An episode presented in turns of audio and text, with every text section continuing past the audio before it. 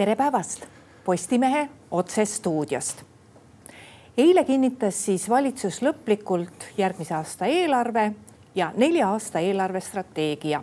ja seoses sellega saame me üha enam teada ka seda, kes kui palju ja kuskohast kärpima peab. üks asutus, kes peab päris palju ennast koomale tõmbama, on ka Töötukassa ja Töötukassa juht Meelis Paabel on meil stuudios, tere päevast. tere päevast.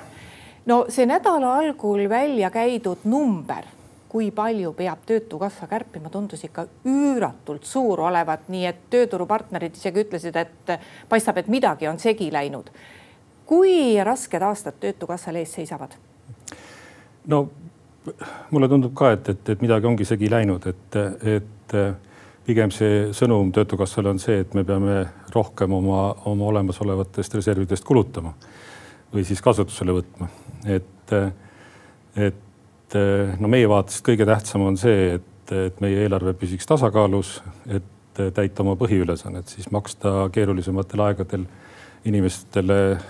seadusest tulenevaid hüvitisi toetada tööandjaid keerukamates olukordades siis koondamishüvitiste maksmisel või ka lausa pankrottide puhul nii et võtta üle siis teatud kohustused ja, ja, ja olukord ju majanduses täna näitab seda, et, et, et, et pigem läheb kehvemaks veel ja järgmisel aastal võib-olla siis tasapisi paremaks. nii et me peame eelkõige olema selleks valmis, et, et täita siis täna seaduses ette nähtud kohustused ja, ja siis see sada kolmkümmend miljonit nüüd lisakohustusi võimalikke, see on siis aastal kaks tuhat kakskümmend viis, nii et aega sinnani on, et arutada siis, et mis täpsemalt ja kui palju ja, ja mil moel. no see lisakohustus tuleb siis suures osas sellest, et äh, kui te seni töötutoetuseks saite raha riigieelarvest, siis seda riik enam anda ei taha ja need arutelud on, on sellised, et ühtlustada siis meie, meie tõesti äh, hüvitised, toetused, et, et, et nii nagu siis ka need arutelud on näidanud, et, et võib-olla see ongi inimeste jaoks ikkagi keeruline aru saada, et meil on kahte liiki täna hüvitisi ja et, et töötuskindlustushüvitist, mida me siis eh, rahastame töötuskindlustusmaksest ja, ja inimene eh, saab seda siis, kui ta on, on, on viimase kolme aasta jooksul aasta töötanud ja kui juhtub siis see, et inimene jääb tööta, siis ta hakkab eh, sõltuvalt eh, eelnevast sissetulekust saama hüvitist, siis kas vastavalt kuuskümmend protsenti ja eh, sada päeva ja siis nelikümmend protsenti edasi. ja teine on siis eh, töötutoetus, nõndanimetatud, mida makstakse siis nendele inimestele, kes töötuskindlustushüvitisele ei kvalifitseeru ehk et nad ei ole töötanud kolme aasta jooksul aasta, et aga nad on, peavad olema töötanud aasta jooksul pool aastat või siis ka seal nii-öelda tööga võrdsustatud tegevused, kas on olnud inimesed äh, hoolduskoormusega kodus või kasvatanud lapsi, õppurid, sõjateenistuses käinud, nii edasi, et, et nendel on töötutoetus, mida täna makstakse riigieelarvest. Ja see, see plaan, millest nüüd räägitud ongi, on see, et, et siis riigieelarve kulud nii-öelda töötukassa eelarvesse üle tõsta. Ja see on siis see sada kolmkümmend miljonit prognoositult äh, kolme aasta või kahe poole aasta äh, kuludena, nii et äh, see on nüüd see. nii et äh, ma lihtsalt ütlen, ütlen rahustuseks kõikidele inimestele, et ei ole plaanis muuta tänast töötuskindlustushüvitiste süsteemi. ei ole plaanis muuta põhimõtet, et äh, mis alles juulikuus kinnitati, et töötushüvitised pikenevad, kui majanduses on, on keerulisemad ajad. see kõik jääb kehtima ja ja, ja täna meil mingeid probleeme eh, nende eh, olukordade katmisega ka ei ole. no mis puudutab töötuskindlustust, see olekski kohutavalt ebaõiglane, sest see on ikkagi kindlustus, mille ju inimene ise kinni maksab ja minna seda nüüd ühtpidi kärpima oleks, oleks ikkagi päris, päris halb. ja no kindlasti ja, ja, ja, ja, ja, ja pigem on, on need arutelud selles suunas, et, et seda kättesaadavust pigem laiendada, et, et see, see hüvitise ring oleks laiem või siis äh, nende inimeste ring, kes sellest hüvitisest osa saaksid, oleks laiem. ja pikalt on ju üleval olnud tegelikult ka teema, et kas töötuskindlustushüvitis võiks laieneda siis poolte kokkuleppel ja, ja omal soovil töö kaotanud isikutel, et aga veel kord, et, et kuhu me, kuhu siis nende aruteludega äh, jõutakse, et, et ma arvan, et järgmise aasta suveks on, on see vast selge aga töötute toetusraha kärpimisperioodi lühendamine, see on täna selge, et see tuleb nüüd see puudutabki siis ainult sedasama võimalikku uut, uut hüvitise skeemi, mis, mis täna on siis töötutoetus ja mida rahastatakse riigieelarve muudest tuludest. kui see nüüd peaks tulema töötuskindlustussüsteemi rahastamisele, siis tõesti üks ettepanek või üks võimalus on, et, et siis tänaselt kahesaja seitsmekümnelt päevalt ehk üheksalt kuult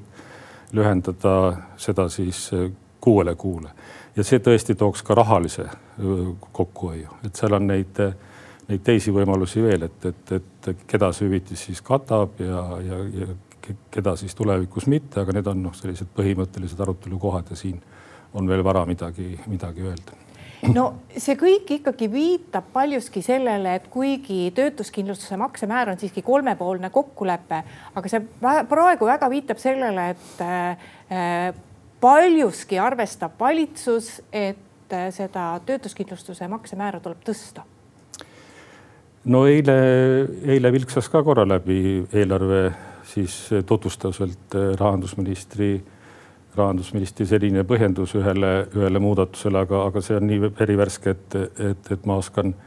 oskan seda ainult nii palju kommenteerida, et see võimalik sada viisteist miljonit, millest seal juttu oli, äh, kui see tõsta töötu kassa kuludesse, siis, siis see tähendaks äh,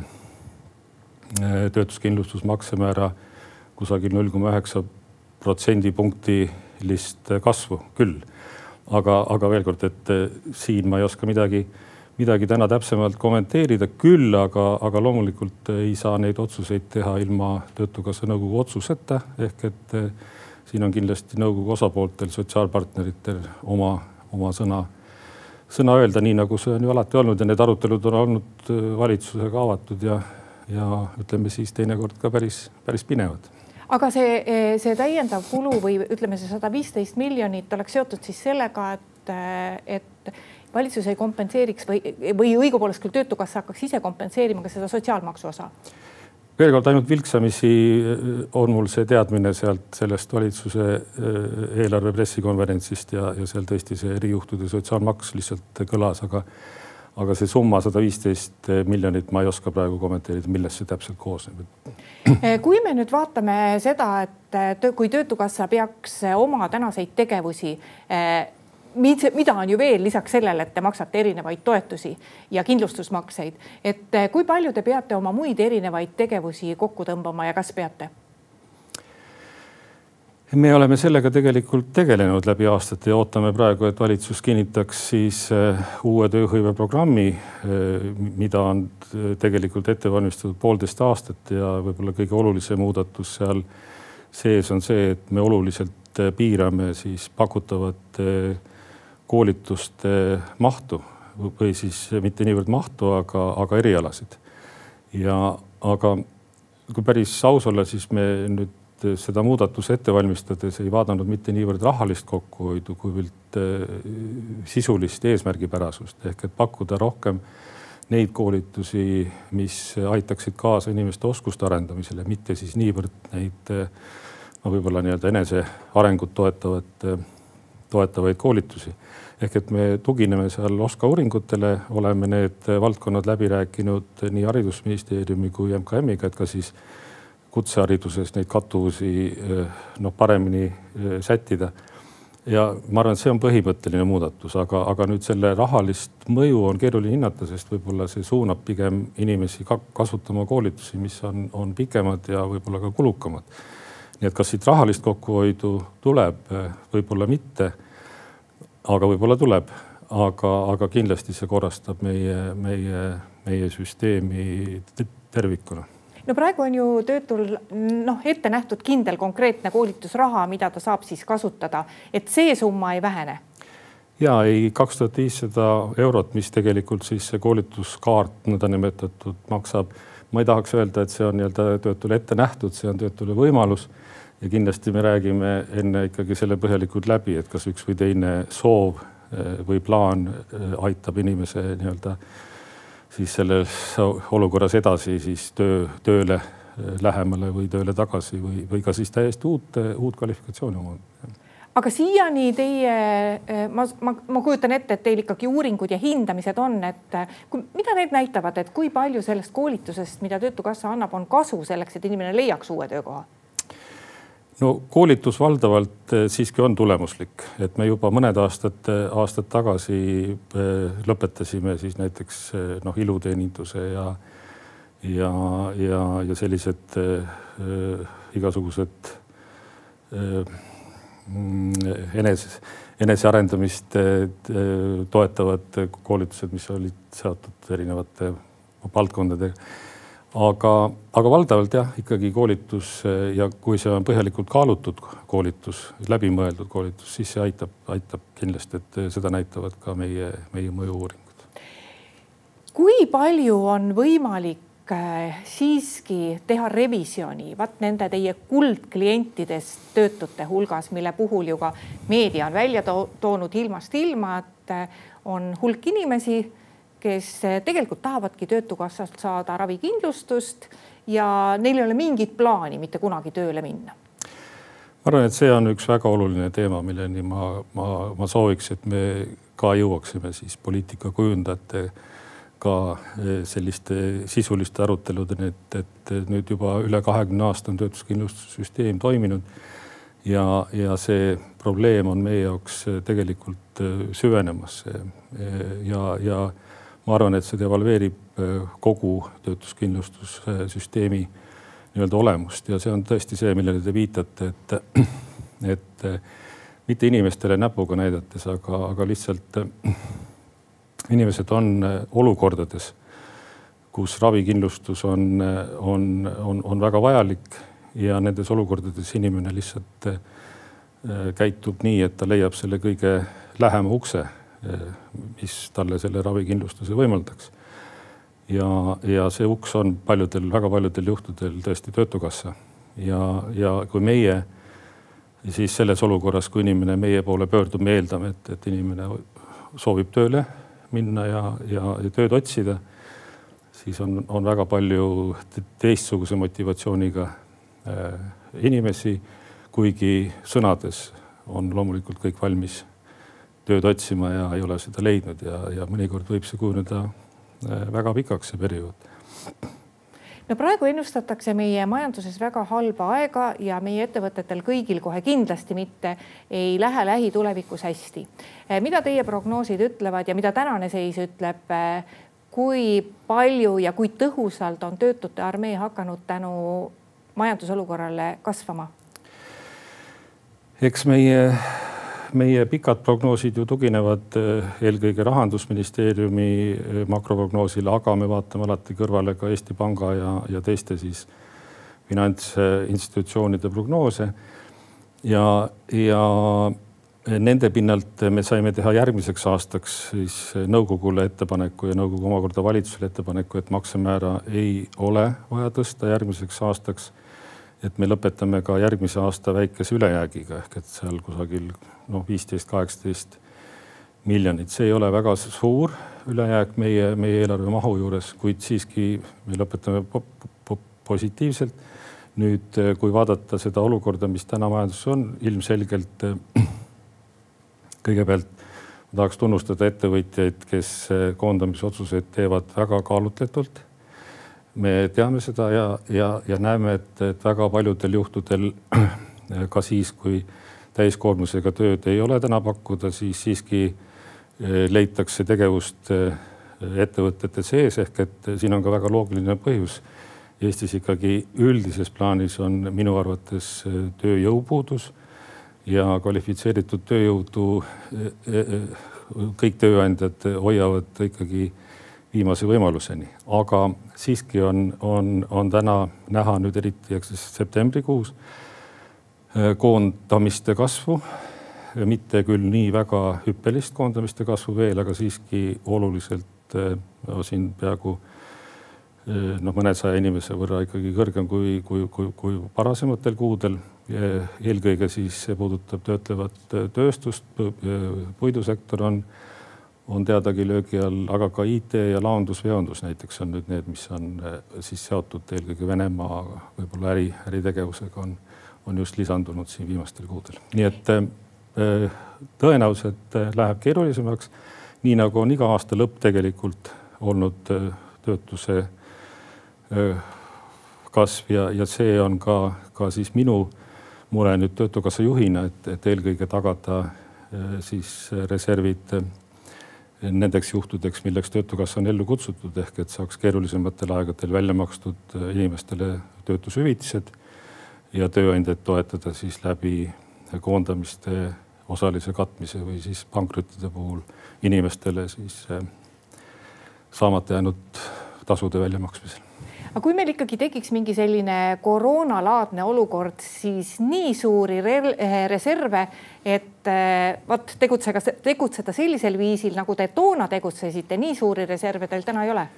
kindlasti mitte jah, et enne koroonakriisi oli meie reservi maht noh kasvanud juba sellisele kriitilisele tasemele, et selle vajadus seati ka avalikkuse ees kahtluse alla ja ja teatud põhjustel, eks ta oligi ka natuke kõrgeks kasvanud, et aga, aga, aga maksemäära langetamiseks toona võimalusi või kokkulepet kahjuks ei, ei sündinud.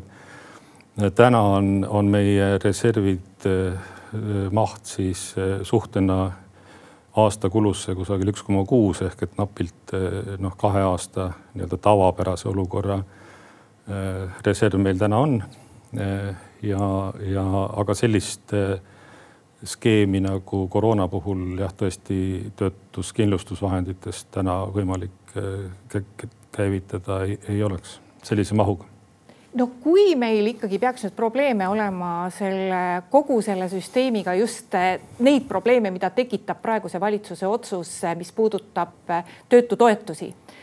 ja kui tuleb kõne alla töötuskindlustuse maksemäära tõstmine, siis kui suur see peaks olema, et sellest üldse mingit tolku oleks? no kui me räägime sellest eh, saja kolmekümne miljoni või ütleme siis töötutoetuse eh, ületoomisest töötuskindlustusvahenditesse, siis ma usun, et, et me napilt ehk saame hakkama eh,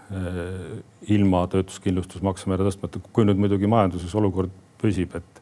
et veel kord, et, et kõigepealt ikkagi need vajadused, mis siis majandusest tulenevast olukorrast on vaja katta ja, ja me ei tea täna, mis see olukord on aastal kaks tuhat kakskümmend viis, nii et väga, see on selline spekulatsioon pigem siin, eks. et see sõltub väga palju sellest, kuidas, kuidas majanduses läheb. Aga kui me räägime nüüd sellest, sellest saja viieteistkümne miljoni ületoomisest, mis puudutab siis neid eri juhtudel sotsiaalmakse, et, et siis sada viisteist miljonit tähendaks Töötukassale null koma üheksa protsendipunkti võrra töötuskindlustusmaksemäära tõstmist. Noh, nagu öeldud, see eeldab kolmepoolset kokkulepet siiski ja praegu selliseid läbirääkimisi ju veel ei peeta ja ei, ma vähemalt need, need koosolekud, kus mina olen osalenud, ei ole sel teemal olnud üldse juttu. see, see eeldab nõukogu otsust ja nagu ma viitasin, et siin sotsiaalpartneritel on kindlasti oma sõna öelda, et, et nüüd Töötukassa vaatest, minu vaatest minu pädevus lõpeb sellega, et ma saan öelda, kui palju Äh, selle,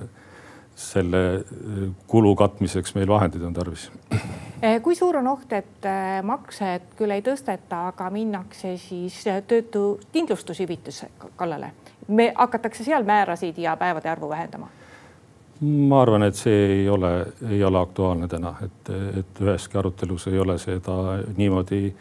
käsitletud, pigem see suur muudatus, mis oli ka sotsiaalpartnerite soov ja kooskõlastus sellele oli siis, et töötuskindlustusmakse määr oleks äh, äh, buumi ajal madalam või siis asendusmäär oleks buumi ajal madalam ja periood ka lühem